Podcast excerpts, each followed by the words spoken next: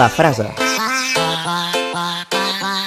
Bona última nit de gener a tothom. Tanquem el primer mes del 2024 al Palau parlant de Tom Crean, exentrenador de l'NCAA, que va dirigir Marquette, els Hoosiers d'Indiana i els Bulldogs de Georgia, el seu últim equip, i del qual en va ser despatxat al març de 2022. Prèviament, també va ser assistent del Mascots, Pittsburgh, Western Kentucky i Michigan State, conegut sobretot per ser un gran reclutador de jugadors amb talent. El nostre protagonista va néixer un 25 de març de 1966 a Mount Pleasant, a Michigan, i tot i que en paraules del propi Crian, ell era la principal eina del seu entrenador a l'equip de la seva ciutat, mai va voler jugar a bàsquetbol de manera seriosa i sempre va tenir clar que la seva meta era ser entrenador.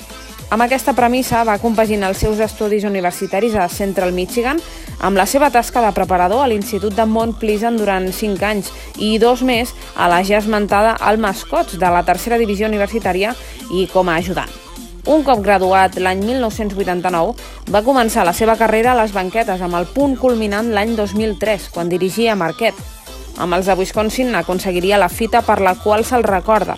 Va ser la d'arribar a la Final Four de l'NCAA. Els Golden Eagles perdrien el partit de semis contra Kansas per un clar 61 a 94. Al seu torn, els Jayhawks caurien a la final contra el Syracuse Orange de Jim Boehm. Aquell equip de Tom Crean estava capitanejat a la pista per Dwayne Wade, futura estrella dels Miami Heat, i que va formar un dels Big Three més memorables de l'NBA recent, al costat de LeBron James i Chris Bosh. A Syracuse, per cert, hi jugava Carmelo Anthony, que seria el màxim encistellador i el Most Outstanding Player. Al llarg dels seus 23 anys de carrera, el nostre personatge ha acumulat un total de 403 victòries amb un percentatge de partits guanyats que frega el 57%.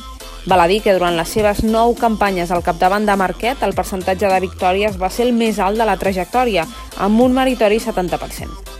A Indiana, tot i algunes temporades amb grans registres de victòries, les coses no li van anar tan bé amb tres cursos consecutius amb balanç negatiu i molt criticat per fans i premsa per la quantitat de pilotes perdudes dels seus jugadors. Més enllà de Flash, Crian ha dirigit jugadors com ara Víctor Oladipo o Cody Zeller. Per no perdre el costum en aquesta secció, també va ser assistent del combinat nacional l'any 2001 i va servir com a membre de l'estaf del 2004 a la selecció Sots 20 del seu país a la Copa del Món FIBA de les Amèriques.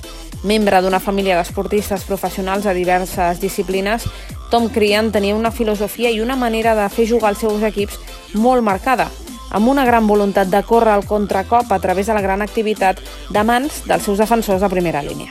A part d'oferir una paleta d'opcions gairebé infinita en atac, amb el precepte de tenir un espaiat impecable pels llançaments i les accions de fora cap a dins. La defensa sempre havia de ser fins a mitja pista i la importància del rebot defensiu esdevenia gairebé un dogma de fe. I acabem amb una frase que no deixa de ser una reflexió molt interessant sobre el nostre esport. Diu així, no permetis que els fonaments i les habilitats dels jugadors passin a un segon terme en la planificació del joc. Els plans de joc guanyen partits, els fonaments guanyen campionats.